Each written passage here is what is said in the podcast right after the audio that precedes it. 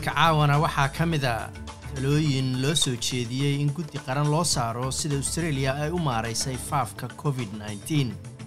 kumanaan qof ayaa fasaxoodii la qarribay maanta kadib dib u dhac ballaaran oo ka dhacay garoonka diyaaradda ee magaalada sydney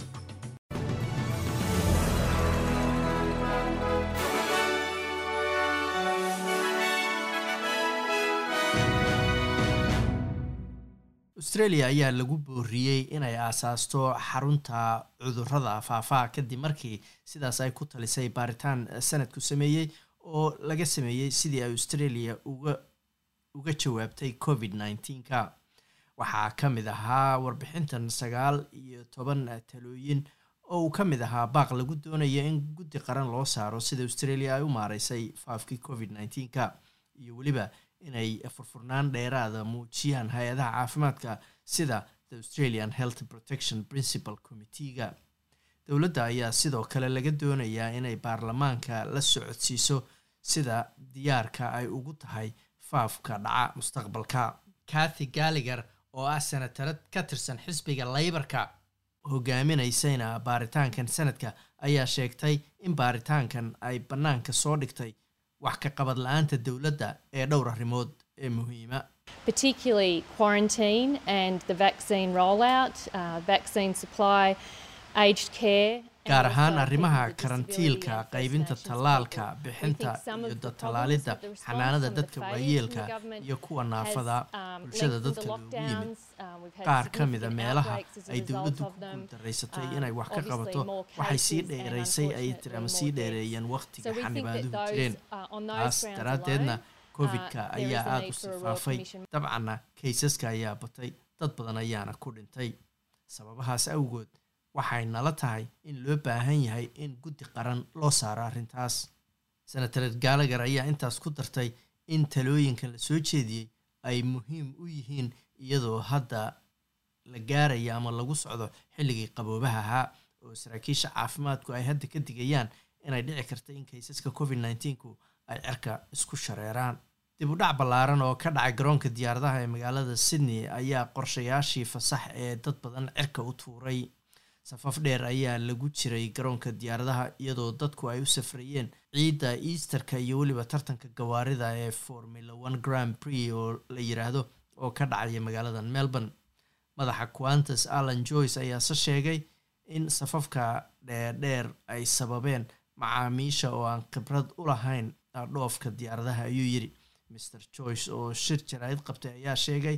in dadku ay iloobeen inay soo saaraan laabtoobyada boorsooyinkooda ku jira iyo waxyaalaha laysku buufiyo sida barafuunada oo kale. Dhanka kalena in ka badan boqol iyo konton iskuol oo ku yaalla new south wales ayaa la xiray kadib roobab mahiigaana oo ka da'ay koonfurta iyo koonfur galbeedka gobolka.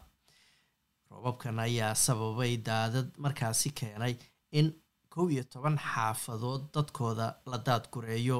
iyadoo kumanaan kale oo aagaasi deganna loo sheegay inay diyaargaroobaan inay halkaasi isaga tagaan. Nin lixdan iyo siddeed jir ah ayaa meydkiisa laga helay daadadka kadib howlgal ay sameeyeen booliska biyaha quusa iyo hay'adda s c s la yiraahda wax badbaadisa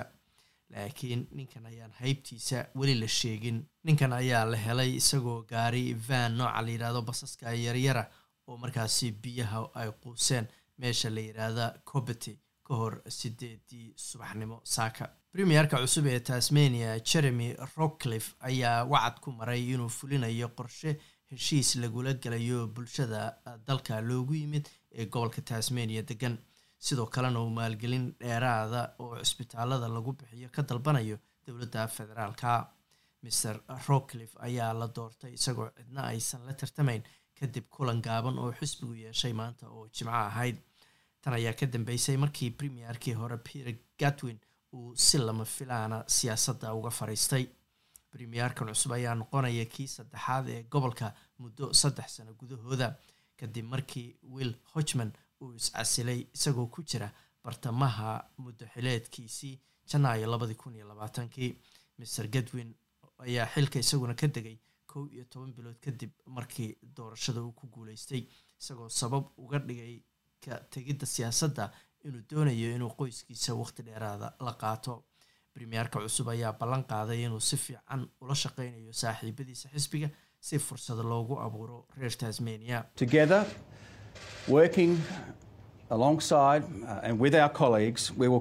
dhammaanteen annaga oo isla shaqaynayna oo la shaqaynayna saaxiibadeen waxaanu sii wadaynaa inaan si fiican u maarayno faafka covid nneteen-ka mudnaanta koowaadna siino qorshihii aan fursadaha ugu abuuri lahayn tasmania. Sidoo kalena aan hubinayno inay helaan xanaanada ay u baahan yihiin iyo halka ay uga baahan yihiin ayuu yiri ra'iisul wasaaraha dalka bakistan imran khan ayaa shacab weynaha dalkaasi telefishinada kula hadli doona kadib markii maxkamadda sare ee dalkaasi ay riday dacwad isaga ka dhana taasoo soo afjari karta dowladdiisa muddo maalmo gudahooda. Maxkamadan ugu sarreysa dalka ayaa xukuntay in ninkanu uu dastuurka jebiyey markii uu joojiyey iskuday lagu doonayay in xilka looga tuuro isagoo markaasi kala diray baarlamaankii si uu u joojiyo codka kalsoonida oo baarlamaanku uu u qaadi lahaa maxkamadda ayaa amartay in baarlamaanku uu mar kale dib u fadhiisto sabtidan iyo axaddan markaasna ninka loo qaado codka kalsoonida. Master khan ayaa hore u sheegay in iskudayga lagu doonayay in isaga xilka looga tuuro uu sharci darro yahay sababtoo ah ayuu yiri waxaa keenay ama wada dowladda maraykanka. Balse dowladda maraykanka ayaa dafirtay arrintaasi. Safiirka madaxweyne biden uu u soo magacaabay dalkan australia ayaa sheegtay in maraykanku australia ka baran karo sida adag ee ay u hor istaagtay handadaadaha china. Caroline kennedy ayaa dhageysi sanadka maraykanka u sheegtay in australia ay tusaale u noqotay sida ay uga jawaabtay china iyadoo xiisada gobolku hadda ay kacsan tahay waxayna intaas ku dartay in maraykanka looga baahan yahay inay ka muuqato gobolka indo pacifica iyadoo hadda uu socdo cadaadis lagu saarayo solomon island heshiis amni oo ay la gashay china. Dhageysigan ayaa ah tallaabo muhiima ka hor inta uusan sanadka waa sanadka maraykanka uusan u codayn ansixinta safiiradda. Miss kennedy ayaa hore u soo noqotay safiirka maraykanka u jooga dalka jaban xilligii maamulkii obama waxaana dhalay madaxweynihii hore ee dalka maraykanka john f. Kennedy waxayna soo xigatay xiriirka aabaheed uu la lahaa gobolka indo pacifica I'll always be grateful to the Australian Coast Watchers. waxaan ka qunshuucsanahay fursaddan iyo fursadda aan maanta halkan ku imid. Waxaan weligay u mahadcelinayaa ilaalada xeebaha australia iyo kuwa solomon island oo badbaadiyey aabbahay dagaalkii labaad ee adduunka. waan ogahay inuu rajeynayay inuu noqdo madaxweynihii koowaad oo isagoo xilka haya booqda australia muddo xileedkiisii labaad. Hadda haddii la ansixiyana waxaan sii wadi doonaa taariikhdaas haba yaraatee ayay tiri kremlinka looga taliya dalka ruushka ayaa ku tilmaamay askarta badan ee uga dhimatay colaadda ukraine mid masiibo ah kadib waraysi gaara oo sky telefishon laga sii daayey duulaankii ukraine ayaa sababay in dad ka badan afar milyan oo qof ay dalka dibaddiisa u qaxaan iyadoo qaramada midoobey hadda ay ka walacsan tahay khalalaase bini aadannimo oo aada u daran.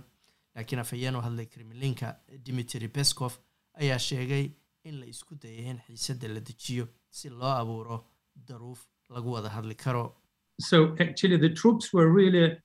withdrawn from that region as an act of a goodwill. runtii ciidanka waa laga saaray gobollada taasoo ah fal niyad wanaag dhis ah. Inta wada hadallada u dhexeeya labada wufuud ay socdaan waa kuwa ruushka iyo ukraine. Wararkii dalka soomaaliyana iyadoo weli uu jiro khilaaf ku aadan afar xildhibaan oo laga reebay liiska xildhibaanada iyo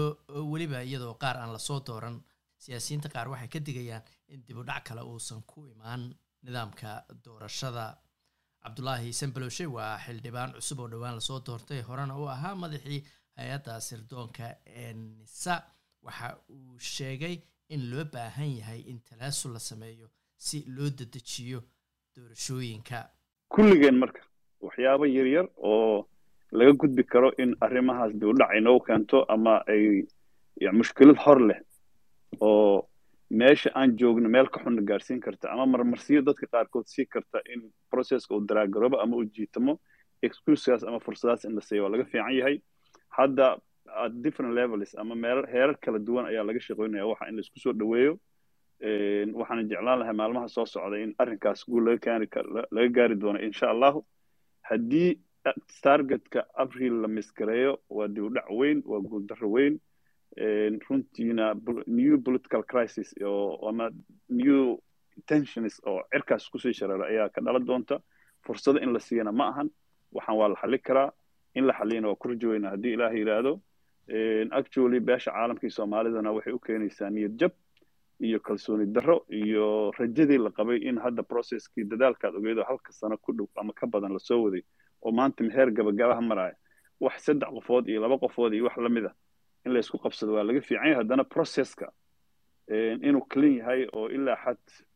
maxaan ku lahaa la ixtiraamo ama la tixgeliyo go'aamada guddiyada ka soo baxaya qusay doorashooyinkan waa muhiim haddana waxaa laga shaqeynaya waa siyaasadii marka qaarkood waxa si siyaasi in loo wajaho waa muhiim. Aan ku bilaabo xubinta isboortiga kulamo ku tirsan koobka labaad iyo midka saddexaad ee naadiyada yurub ayaa xalay laga ciyaaray garoomo ka tirsan qaaradda. Kooxda reer england ee westham united ayaa iyadoo toban ciyaartooy kulanka ku dhammaysatay waxay ku guulaysatay in gool iyo gool barbardhaca ay la gasho kooxda olomig layone ee dalka faransiiska ka dhisan. Kooxda magaalada london ee westham ayaana baadigoob ugu jirta markii ugu horeysay tan kun sagaal boqol lix iyo toddobaatankii inay soo gaarto samafinal koobkan qaaradda yurub ayaa goolka ku horumartay laakiin olomig layone ayaa ugu dambayntii goolka barbardhaca la timid waxaana mar kale toddobaadka soo socda laysugu noqon doonaa garoonka kooxda westham ee london stadium. Kulmadii kale ee rubucdhamaadka koobkan kooxda frankfort ee dalka jarmalka ayaa ka yaabsatay kooxda barcelona oo beryahan dardar ku socotay waxaana frankfort ay ku horumartay gool. Qaybtii labaad ee ciyaarta hase yeeshee barcelona ayaa markii dambe goolkaasi iska soo celisay iyadoo gooli gool lagu kala tegay. Kooxda spartic braha ayaa hal gool iyana kaga adkaatay. Kooxda glasgow rangers ee scotland ka dhisan halka kooxaha arby lipzig iyo atlanta oo jarmalka iyo talyaaniga ka kala dhisan ay gooli gool iyaguna ku kala baxeen dhanka kale koobka europa conference league ayaa isna lugtiisii koobaad ee rubuucdhamaadka la ciyaaray iyadoo kulamadii habeenkii xalay dhacayn ay ahaayeen kuwa aad u xiisa badan. Kooxda faynod iyo slavia braha ayaa saddex iyo saddex ku kala baxay iyadoo daqiiqadii shan iyo sagaashanaad la soo qabtay kooxda faynod oo ku horkaciisay saddex gool iyo labo waxaana soo bareejeeyey ciyaraanka lagu magacaabo ibrahima tarore oo u ciyaara kooxda jamhuuriyadda jeega ee slavia braha laakiin layaabka waxa uu ahaa markii kooxda yar ee ka dhisan dalka norway ee bot glimt ay laba gooli hal ku dubatay kooxda roma ee dalka talyaaniga ka dhisan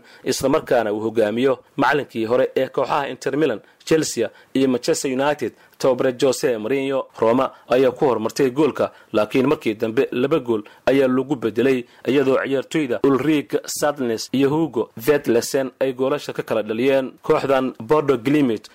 ayaa hadda layaab dhigaysa iyadoo dhammaanba sagaalkii kulan ay gurigooda ku ciyaartay tartankan wada guulaysatay iyadoona dhalisay toddobiyo toban gool afar gool oo keliya ayaa ilaa hadda laga dheliyey kulamadii kale lester city oo ka dhisan dalka ingiriiska ayaa eber eber waxay la gashay kooxda b s v endoven ee dalka holland ka socota laakiin olombic marse ayaa laba gool iyo hal kaga adkaatay kooxda bawk la yidhaahdo ee ka dhisan dalkaasi griega ciyaaryahanada gerson iyo dimitri payet ayay goolasha ka heshay kooxda dalka faransa ee olombic marse kooxda bawk ayaa raadinaysa in markii ugu horeysay kooxa griega ay soo gaarto samafinalka tartamada qaaradda yurub lix iyo labaatan sano ayaana ugu dambeysay in kooxa griega ay heerkaasi soo gaarto kulamada lugta labaad ee wareega rubucdhamaadka labadan tartan ayaana la ciyaari doonaa toddobaadka soo aadan.